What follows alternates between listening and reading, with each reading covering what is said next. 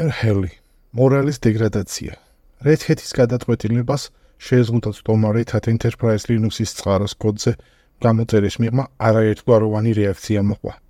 მოდით გადავხედოთ ხელმისაწვდომ ინფორმაციას. Hat-ის პასუხი Hat-მა დაიცვა თავისი გადაწყვეტილება და განაცხადა, რომ მისი Red Enterprise Linux-ი არ არის დახურული წყარო. და რომ CentOS Stream-ი ახდება უფრო სწრაფად ვიდრე erheli.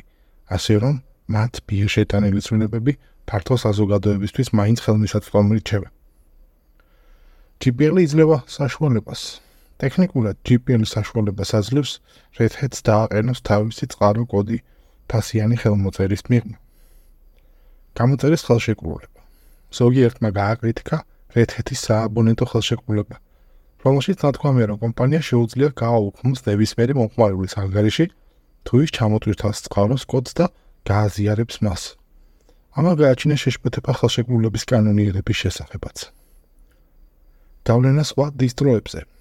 Hat-ის გადაწყვეტილებამ შეზღუდოს ცდომა მის საწყის კოდზე იქონია გავლენა Linux-ის სხვა დისტრიბუციებზე, როგორც Rocky Linux-ი და Alma Linux-ი. ეს დისტრიბუციები შეიქმნა როგორც CentOS-ის ალტერნატივა, რომელიც Red Hat-მა ახლო წარსულში გააუქმა. თუმცა Red Hat-ის ახალი შეზღუდვებით ამ დისტრიბუციებს შეიძლება შეექმნათ გამოწვევები საჭირო წყარო კოდის მოპოვებაში. გავლენა ბიზნესებზე Hat-ის გადაწყვეტილებამ ასევე გააჩინა შეშფოთება იმ ბიზნესებში, რომლებიც ეხმობიან RHEL-ს. ზოგიერთმა გამოთქვა იმედგაცრუება ახალი შეზღუდვების გამ, რადგან მათ შეიძლება გაურთულდეთ თავიანთი სისტემების მორგება და შენარჩუნება. საერთო ჯამში Hat-ის გადაწყვეტილებამ შეზღუდოს თქმა მის საწყის კოდზე გამოწერის მიღმა გამოიწვია კამათი და გააჩინა შეშფოთება სხვადასხვა დისტროებსა და ბიზნესებზე გავლენის გამ.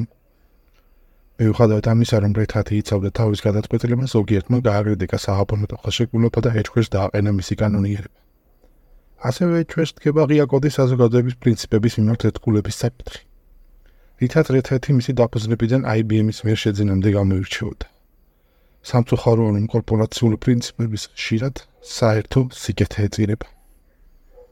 მომავალ გამოშვებებში აუცილებლად ვისაუბრებთ თუ როგორ მოვიქცეთ იმ შემთხვევაში თუ სარგებლობთ Rocky Linux, Alma Linux, Oracle Linux ან თუნდაც CentOS-ის მომხმარებლები ხართ.